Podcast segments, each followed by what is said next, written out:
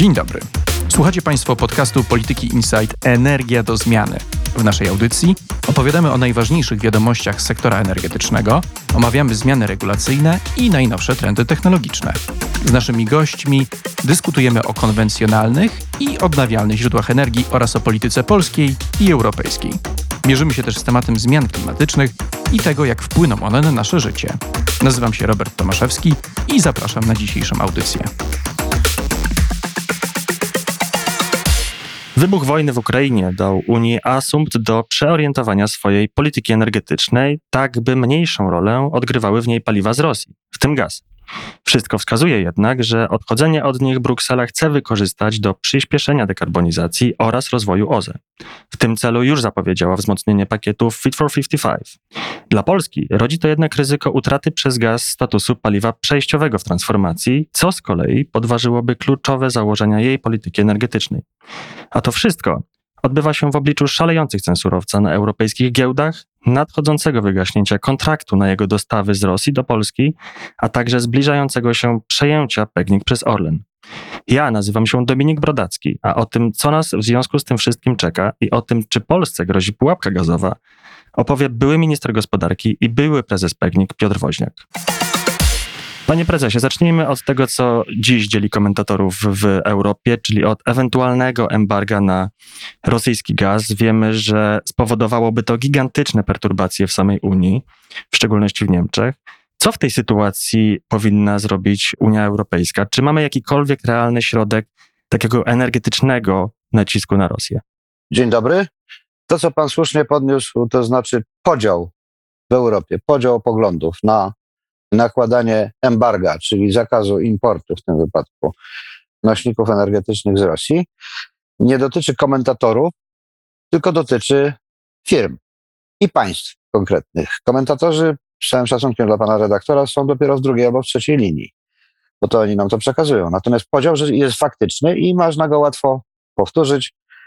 Ten podział nie polega na tym, że te państwa, które najwięcej importują, są przeciwne nałożeniu embargo, a te, które najmniej sprzyjają temu pomysłowi, dlatego że tak nie jest. Co do jednego można się zgodzić pewnie dosyć łatwo, że wszyscy w całej Europie, nie tylko firmy, nie tylko przedstawiciele establishmentu, czy rządy, czy administracje, ale również normalni ludzie, tacy jak ja i pan, doskonale wiedzą, że najgroźniejszą bronią rosyjską, chociaż mniej śmiercionośną niż to się wydaje, są surowce energetyczne, za które Rosjanie kwotują a to na giełdach, a to w kontraktach dwustronnych ogromnie wysokie pieniądze, po czym je inkasują i przeznaczają bezpośrednio na swoje działania wojenne. Ten podział można go na różne sposoby przejściu do sankcji, czyli embarga, zakazu importu nośników energetycznych, jest oczywiście obosieczny, jak każde embargo. My się deklarujemy, my jako Polska deklarujemy się jako zwolennik takich sankcji, cały szereg krajów unijnych również, Zdecydowanym, jak się wydaje, przeciwnikiem tych sankcji są Węgry, które wcale nie są największym importerem ani gazu, ani ropy, ani węgla z Federacji Rosyjskiej, a to są trzy główne nośniki, o które chodzi. Co do konsekwencji takich rynkowych, to oczywiście wprowadzenie takich sankcji, czyli embarga na import surowców, nośników energetycznych z Unii Europejskiej, gdyby nastąpiło z dnia na dzień, spowoduje ogromne perturbacje. Dlatego, że do, jak do każdej dużej zmiany, biznes i każdy kraj, który handluje na większą skalę, a właściwie wszystkie już teraz takie są, musi mieć czas na przygotowanie. Dlatego to, co wydaje mi się, mnie się wydaje słuszne i rozsądne, to jest zapowiedź, w jaki sposób to embargo zostanie wprowadzane i rozciągnięcie tego embarga w czasie. Tak, żeby nikogo nie zaskakiwać po stronie kupujących, czy to w Niemczech, jak ktoś Pan wspomniał, albo we Francji, albo w Belgii, albo w Polsce, to żeby dać czas na przygotowanie opracowanie takiego planu przez Komisję Europejską, bo zakładam, że to jest zbiorowy głos Europy wobec Federacji Rosyjskiej, nie zebrało więcej niż kilka dni.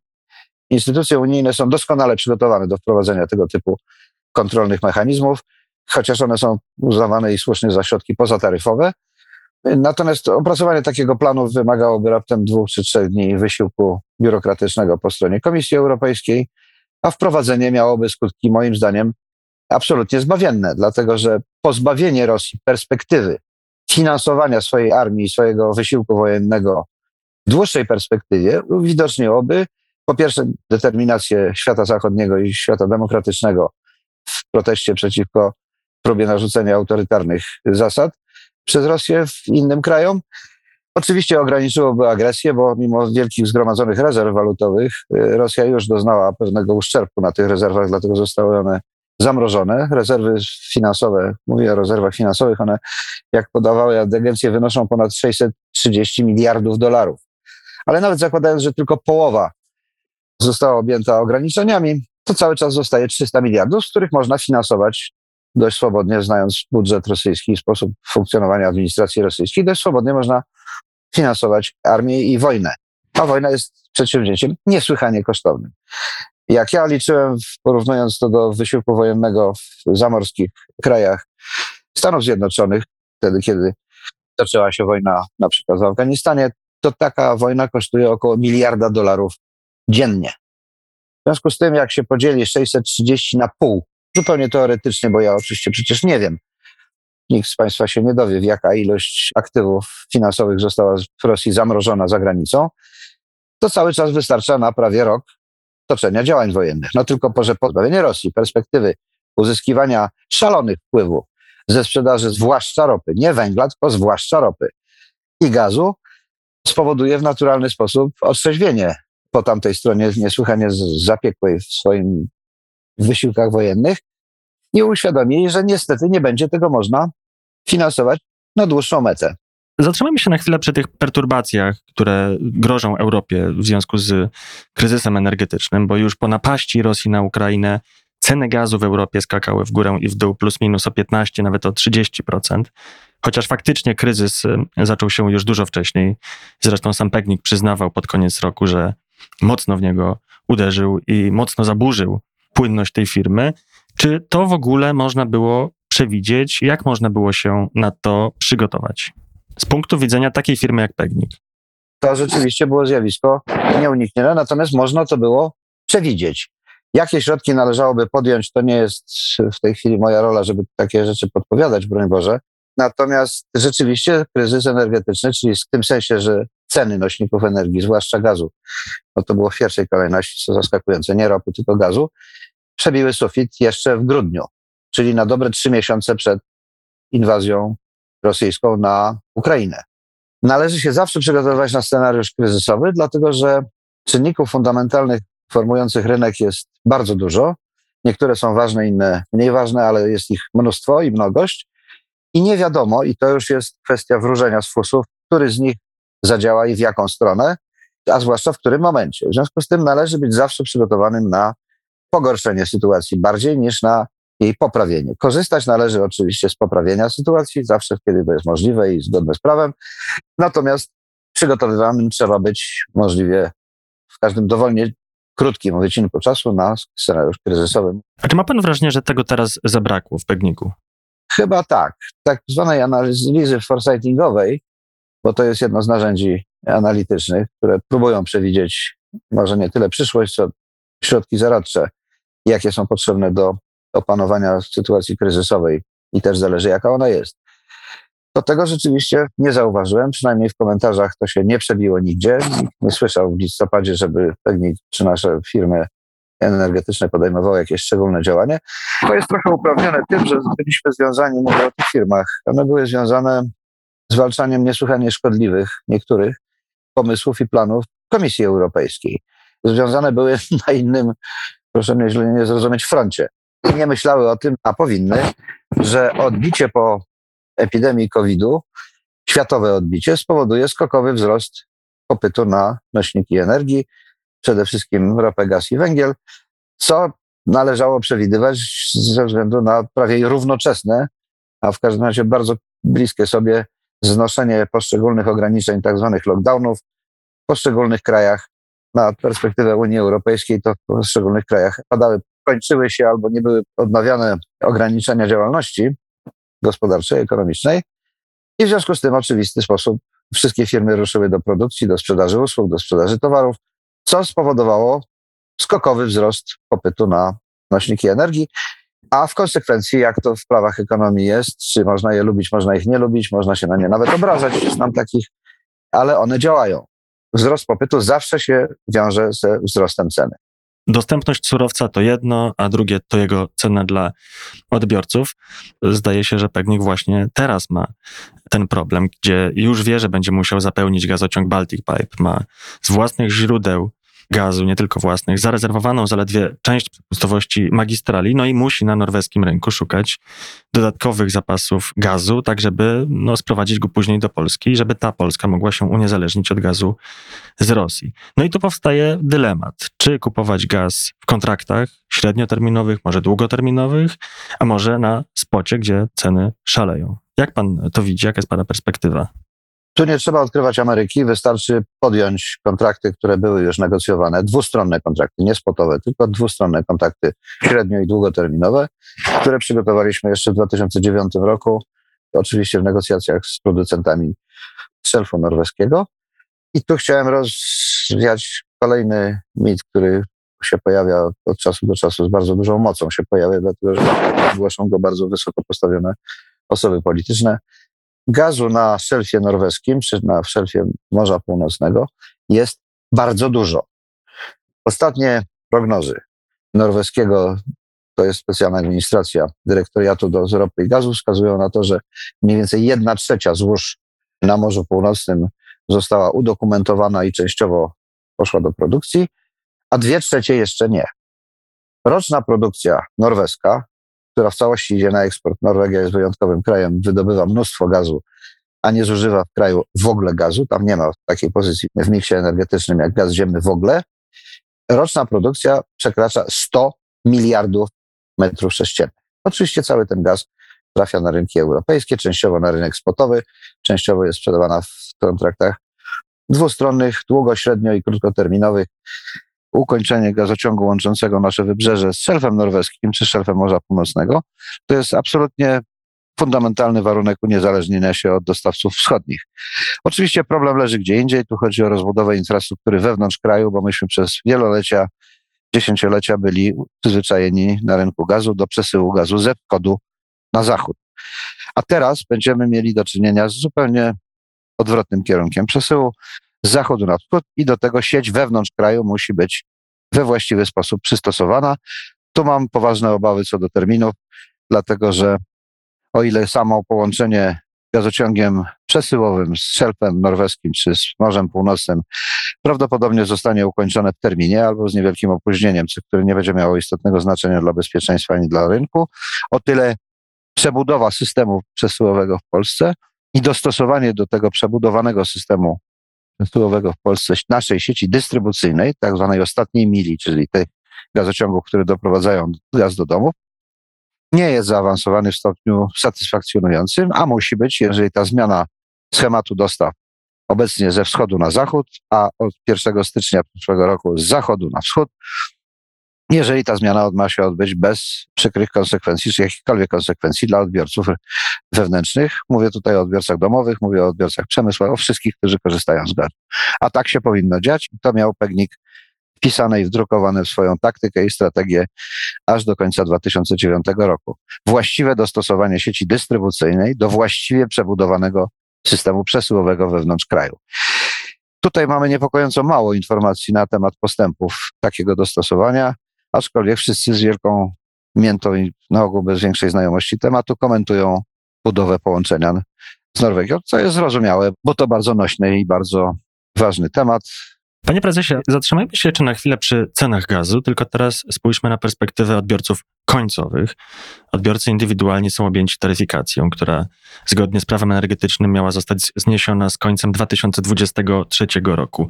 Tymczasem rząd w tzw. Tak tarczy antyputinowskiej zapowiedział przedłużenie regulowanych cen gazu do 2027 roku. I znowu, z jednej strony możemy spojrzeć na to jako ochronę odbiorców przed tymi szalejącymi cenami gazu, no a z drugiej to rodzi ryzyko utrudnienia działalności firmom, tak zwanym niezależnym sprzedawcom gazu. Jak powinny być w tych szalonych czasach kształtowane ceny gazu, tak żeby znaleźć e, tą równowagę pomiędzy interesem różnych podmiotów? To jest uprawnione bardzo pytanie, tak chciałem to skomentować na początek lekko, dlatego że w takim dylemacie powinna stać nasza administracja i powinna umieć to dobrze rozstrzygnąć. Obserwujemy zupełnie sprzeczne ze sobą działania i fakty, bo jak mówię, każdy ma prawo do interpretacji swojej własnej, ale nie do faktów.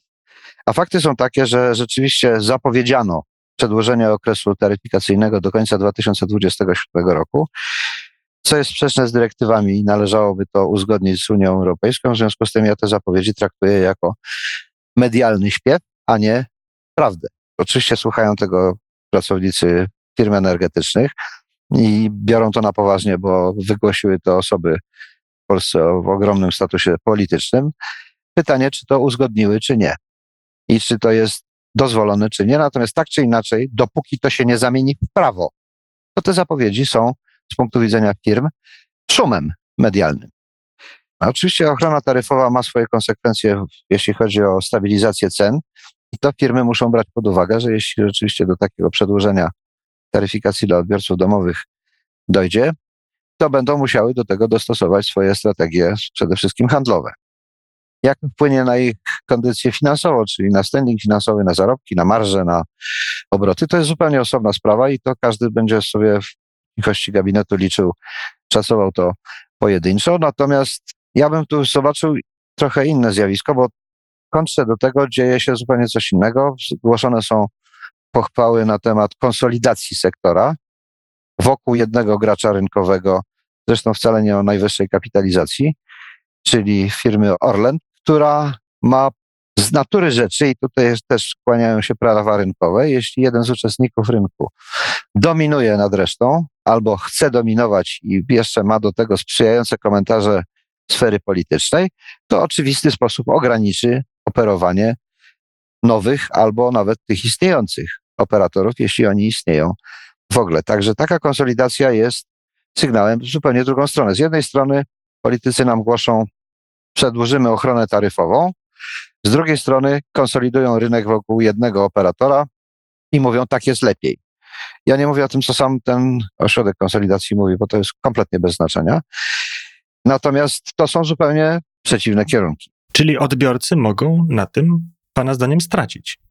W ostatecznym rozrachunku zapewne stracą. Czasem takie regulacje są niezbędne po to, żeby uspokoić nastroje albo żeby mieć dobry argument do uspokajania nastrojów, bo to jedno z drugim nie zawsze idzie w parze. Czy to jest dobre, czy to jest niedobre? Ja nie jestem w stanie tego bez pogłębionej analizy, zwłaszcza biorąc pod uwagę zdarzenia, które mają miejsce, jak mówię, w postaci konsolidacji. To spacyfikowało całą gamę nastrojów negatywnych wśród odbiorców. Wszyscy, których można pytać albo którzy sami się wypowiadają bez pytania, mówią, gaz wściekle zdrożał. Podobnie zresztą mówią na ceny paliw płynnych na stacjach benzynowych, ropach, na oleju napędowym i, i benzynach, bo rzeczywiście skok cenowy jest szokujący. A czy w tym kontekście fuzja Orlenu i Technika, mówiąc precyzyjnie, przejęcie Technik przez Orlen powinno zostać, jak rozumiem, wstrzymane? Przynajmniej do czasu uspokojenia się sytuacji na rynku, czy w ogóle powinien rząd z niego zrezygnować, Pana zdaniem? Z punktu widzenia ekonomicznego i z punktu widzenia rynkowego to jest błąd. Nie znam się na dynamice zdarzeń w tej chwili, bo to trudno zrozumieć zresztą to, co mówią nasi politycy i to, co się czyta w analizach. Więc nie wiem, czy ona już się zaczęła, czy się skończyła, czy się trwa, czy można to wstrzymać, czy nie można tego wstrzymać. Ona nie powinna mieć miejsca, tak trzeba powiedzieć delikatnie, żeby wybrnąć z pułapki nieznajomości toczących się procesów, bo my ich tak naprawdę nie znamy. Ja nie wiem na przykład, czy fuzja, która już wcześniej dokonano Lotosu z Orlenem jest skonsumowana, czy nie. To jest właśnie moje drugie pytanie, ponieważ Orlen zamierza połączyć się z Lotosem. W tym celu ma zrealizować warunki zaradcze, między innymi sprzedać dużą część stacji paliw Lotosu węgierskiemu Molowi. I tak robiąc na chwilę właśnie wycieczkę w stronę tej drugiej nogi sektora paliwowego, jak pan na to patrzy? Czy w kontekście wojny w Ukrainie i bardzo bliskich powiązań politycznych, żeby nie wypominać powiązań kapitałowych Węgier z Rosją, powinna ta fuzja zostać wstrzymana? Mówię o transakcji Orlenu i Lotosu.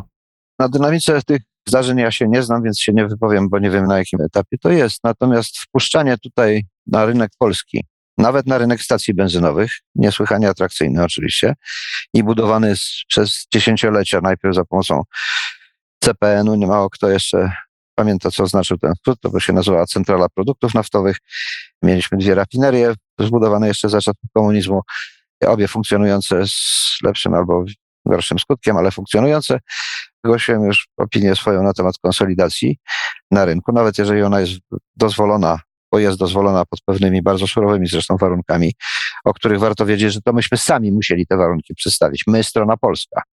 Pokazywanie innego obrazka w mediach, co się nagminnie zdarza, że oto zła Komisja Europejska nakazała nam sprzedać stacje albo rafinerie, albo porty przeładunkowe, albo bazy surowcowe, bazy paliwowe komuś innemu, jest nieprawdą. To my musieliśmy pokazać, w jaki sposób spełnimy warunki antymonopolowe i antykoncentracyjne, które są prawie unijnym jasno przedstawione. Jednym z takich podstawowych wskaźników to jest taki wskaźnik koncentracyjny, który się nazywa wskaźnik HH, Herfindala Hershfielda, który się sprowadza do tego, że powyżej pewnego progu nie można dokonywać fuzji powyżej pewnego wskaźnika ze względu na zbytnią koncentrację. Myśmy się na te regulacje zgodzili wcześniej i przestrzegane one są wszędzie, na każdym rynku, na rynku kolejowym, na rynku paliwowym i po to, żeby nie został przekraczany ten, kto wyraził żądzę przejęcia, musiał zapewnić, że część aktywów sprzeda. Tak się nieszczęśliwie zdarzyło przy tej sprzedaży, moim zdaniem, niesłychanie nieszczęśliwie i niesłychanie groźnie, że część tych aktywów przejdzie w ręce węgierskiej firmy MOL, która jest biznesowym partnerem Gazpromu od wielu lat i deklaratywnie już zgłosiła na przykład za pośrednictwem swojej administracji sprzeciw przeciwko jakimkolwiek ograniczeniom handlu surowcami energetycznymi z Federacją Rosyjską. To się pewnie zmaterializuje na posiedzeniu Rady Europejskiej w Brukseli, gdzie ten głos będzie musiał być wyraźnie słyszalny, dlatego że w takich sprawach Unia dba o to, żeby wypowiadać się jednym głosem, czyli jednomyślnie. To jest groźne, dlatego że Gazprom jest jedną z najistotniejszych firm po firmach naftowych, po Rosnieftach, która finansuje armię i zbrojenia rosyjskie. To, że palimy gazem rosyjskim w naszych kuchenkach albo w naszych kotłach, zużywamy go zgodnie z przeznaczeniem i płacimy za to w tym wypadku Pegnigowi. Pegnik musi się opłacać za dostawę tego gazu rosyjskiego w Rosji i opłaca się dwóm firmom rosyjskim, firmie Gazprom i firmie Gazprom Export. Wychodzą z tego samego dnia, systemowo finansują budżet rosyjski, a budżet rosyjski ma swoje dość skomplikowane reguły. Myśmy je usiłowali poznać jeszcze w Pegnigu i częściowo to się udało. Wyszło nam na to, że mniej więcej 20% z każdego rachunku zapłaconego przez statystycznego Polaka idzie przez budżet rosyjski prosto na finansowanie armii i zbrojeń. Także mniej więcej w 20% od każdego rachunku, jak ktoś sobie to zechce policzyć, na co specjalnie nie namawiam, bo to nastraja fatalnie. Potem lata w powietrzu między terytorium Federacji Rosyjskiej a Ukrainą i rozrywa się i morduje ludzi w Ukrainie.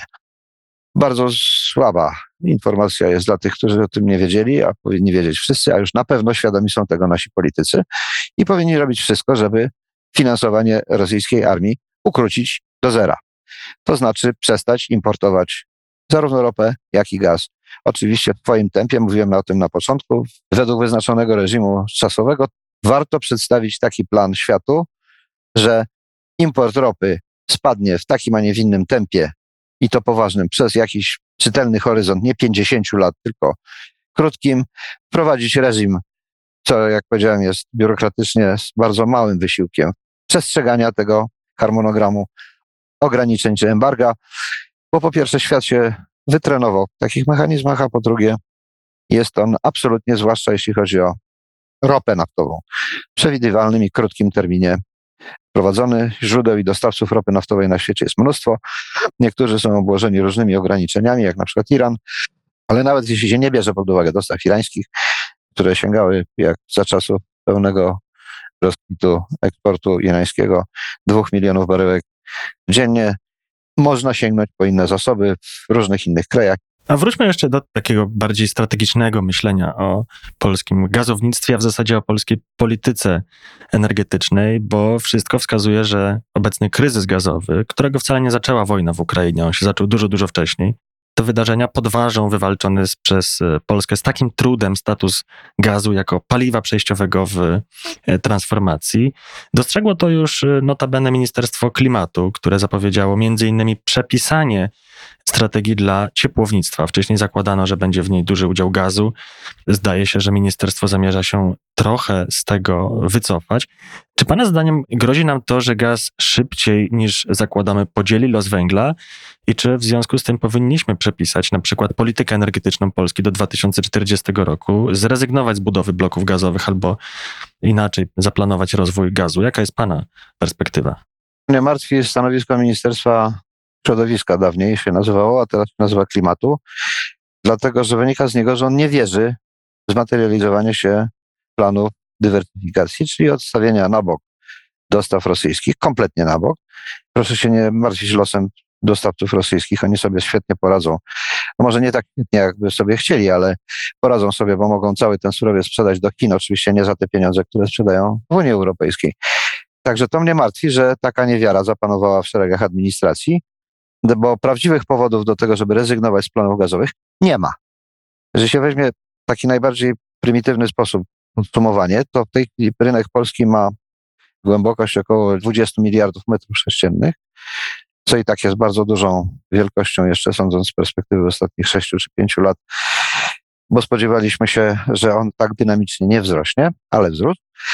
To możliwości dostawy, mówimy teraz o granicach administracyjnych państwa polskiego, nie o granicach celnych Unii Europejskiej. Możliwości dostawy są wystarczające na to, żeby ten popyt ze źródeł innych niż rosyjskie pokryć. Żeby nie być gołosłownym, przytoczę te liczby, bo to widać wyraźnie coraz rzadziej się do tego sięga. Gazociąg łączący nas ze złożami norweskimi, który w pierwszej swojej wersji w roku 98 miał prowadzić 10 miliardów metrów sześciennych, według obecnych planów również będzie prowadził 10 miliardów metrów sześciennych. Przy niewyczerpalnych, chcę to jasno powiedzieć, praktycznie niewyczerpalnych źródłach gazu na Morzu Północnym. Gazoport tak zwany, to jest właściwa nazwa terminala do importu gazu płynnego, ma zdolność przeładunkową w tej chwili około 6 co najmniej miliardów metrów sześciennych. Dodając to do tamtych poprzednich 10 mamy 16. Wydobycia w kraju, w granicach administracyjnych kraju mamy około 4. Jak się doda jeszcze te 4, to wychodzi 20, czyli w tej chwili mamy pełne pokrycie. Obecny rynek dałby się w całości w takiej głębokości i segmentacji, jaka jest, da się zaopatrzyć z tych trzech wymienionych źródeł. Oprócz tego jeszcze korzystamy ze względu na blokadę, która nastąpiła w 2020 roku, budowę FSR-u w Gdańsku. Mamy również źródło w Kłajpedzie, za pośrednictwem którego również importujemy LNG. Przebankuje się o rozbudowie portu w Świnoujściu, czyli terminala LNG w Świnoujściu.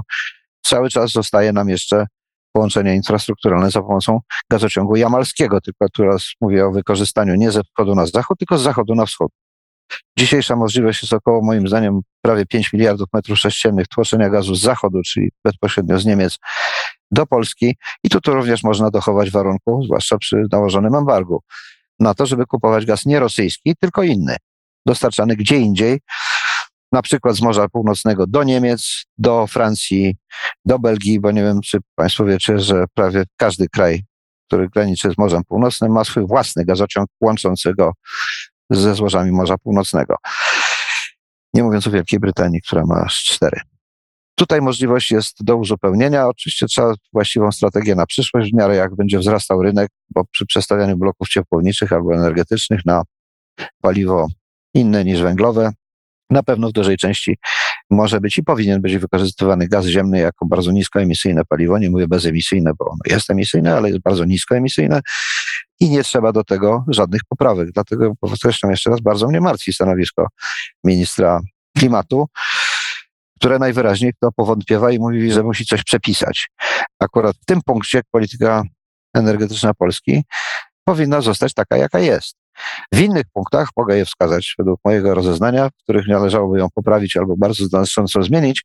Natomiast jeśli chodzi o gaz, powodów do tego, żeby zmieniać plany inwestycyjne, zwłaszcza przestawienia części naszych bloków energetycznych na gaz, absolutnie nie ma, jeżeli brać na poważnie plany dywersyfikacji i jeszcze brać pod uwagę perspektywę nałożenia embarga na nośniki energii ze strony Unii Europejskiej na Federację Rosyjską. Jak w tych warunkach, to znaczy z jednej strony, jak pan mówi, niekwestionowalnej roli gazu w transformacji i w polskiej polityce energetycznej, ale także jednak potężnych zaburzeń na rynku. No i co tu dużo mówić, olbrzymiej niepewności w związku z tym, co nas czeka pod kątem nawet niedostępności surowca, ale chociażby jego ceny. Jak w takich warunkach rozwijać taką firmę jak Pegnik, niezależnie od tego, kto będzie jej właścicielem? Mam na myśli to, czy taka firma powinna skupić się na swoim podstawowym biznesie, czyli wydobyciu gazu, jego dystrybucji i sprzedaży, czy też powinna dywersyfikować, szukać innych źródeł przychodów, żeby się zabezpieczyć, na przykład mocniej inwestować w ciepłownictwo? Stawia mnie pan w trudnym położeniu, dlatego że ja nie mam wpływu na to, co robi Pegnik. Udzielanie rad z boku, to wiem z doświadczenia, że to się nigdy nie sprawdza. Jeżeli się za coś nie bierze odpowiedzialności, udzielanie rad jest działalnością kolokwialną. Natomiast z punktu widzenia bezpieczeństwa państwa, Pegnik został powołany do tego, żeby pozyskiwać gaz wszędzie, gdzie to jest możliwe, oczywiście biorąc pod uwagę wszystkie możliwe uwarunkowania. Kosztowe, cenowe, to co innego, uwaga, koszt to nie to samo co cena, coraz bardziej się to naszym politykom zwłaszcza myli, organizacyjne, finansowe, jakie jeszcze i oczywiście względy bezpieczeństwa, czyli dywersyfikacji, warunkiem funkcjonowania konkurencyjnego rynku, na którym cały czas jesteśmy, również w sektorze energii i jest posiadanie wielości dużej gamy odbiorców i dużej gamy dostawców, po to, żeby we właściwy sposób ważyć interesy zarówno po stronie dostawy, jak i po stronie sprzedaży, czy zakupu, lepiej mówić, i sprzedaży. Wszędzie potrzebna jest wielość. Zarządzanie tą wielością jest osobną sztuką, którą częściej usiłowałem uprawiać przez niecałe pięć lat w firmie Państwowego Górnictwa Naftowego i Gazownictwa. Natomiast to, co Pan powiedział, też jest wielomówiące, że to niezależnie od formy właścicielskiej. Otóż bardzo zależnie od formy właścicielskiej. Zupełnie inaczej zachowują się firmy na rynku i we właściwy sposób te, które mają właścicieli prywatnych i zupełnie inaczej zachowują się firmy, które mają właścicieli państwowych albo są pod przemożną kontrolą państwa, bo to się dużo częściej zdarza niż własność państwowa. To są zupełnie dwa światy. Jasno to trzeba powiedzieć, dlatego że to nie znaczy, że ja jestem zwolennikiem prywatyzacji akurat dalszej Pegnigu, bo, bo nie jestem. Ale pierwszy próba prywatyzacji i wypuszczenie na giełdę akcji Pegnik, które miało miejsce w 2005 roku, chyba w listopadzie, niosło ze sobą ogromne zagrożenie próby wykupienia przez inwestorów rosyjskich, zwłaszcza Gazprom, próby wykupienia akcji i przejęcia kontroli w ten sposób przynajmniej częściowej albo nawet niepełnej nad Pegnikiem. To się na szczęście nie zmaterializowało. W tej chwili państwo ma w Pegnigu 72% akcji i to jest procent wystarczający do tego, żeby państwo się czuło w roli odpowiedzialnego za ten sektor, a przynajmniej za tę firmę, która właściwie jest w całości w sektorze handlu gazem. W Polsce nie ma potrzeby zmiany ani struktury właścicielskiej specjalnej, ani powiększania, ani pomniejszania. Tak jak jest, jest dobrze. Panie prezesie, serdecznie dziękuję za rozmowę. Pan Piotr Woźniak, były minister gospodarki i były prezes Pegnik. Dziękuję serdecznie. Dziękuję uprzejmie. Na dziś to wszystko. Na kolejny odcinek zapraszam za tydzień. Posłuchajcie również naszego specjalnego podcastu Stan Wojny i innych audycji Polityki Insight, które znajdziecie w najważniejszych serwisach podcastowych i Radiu Tok FM. Do usłyszenia.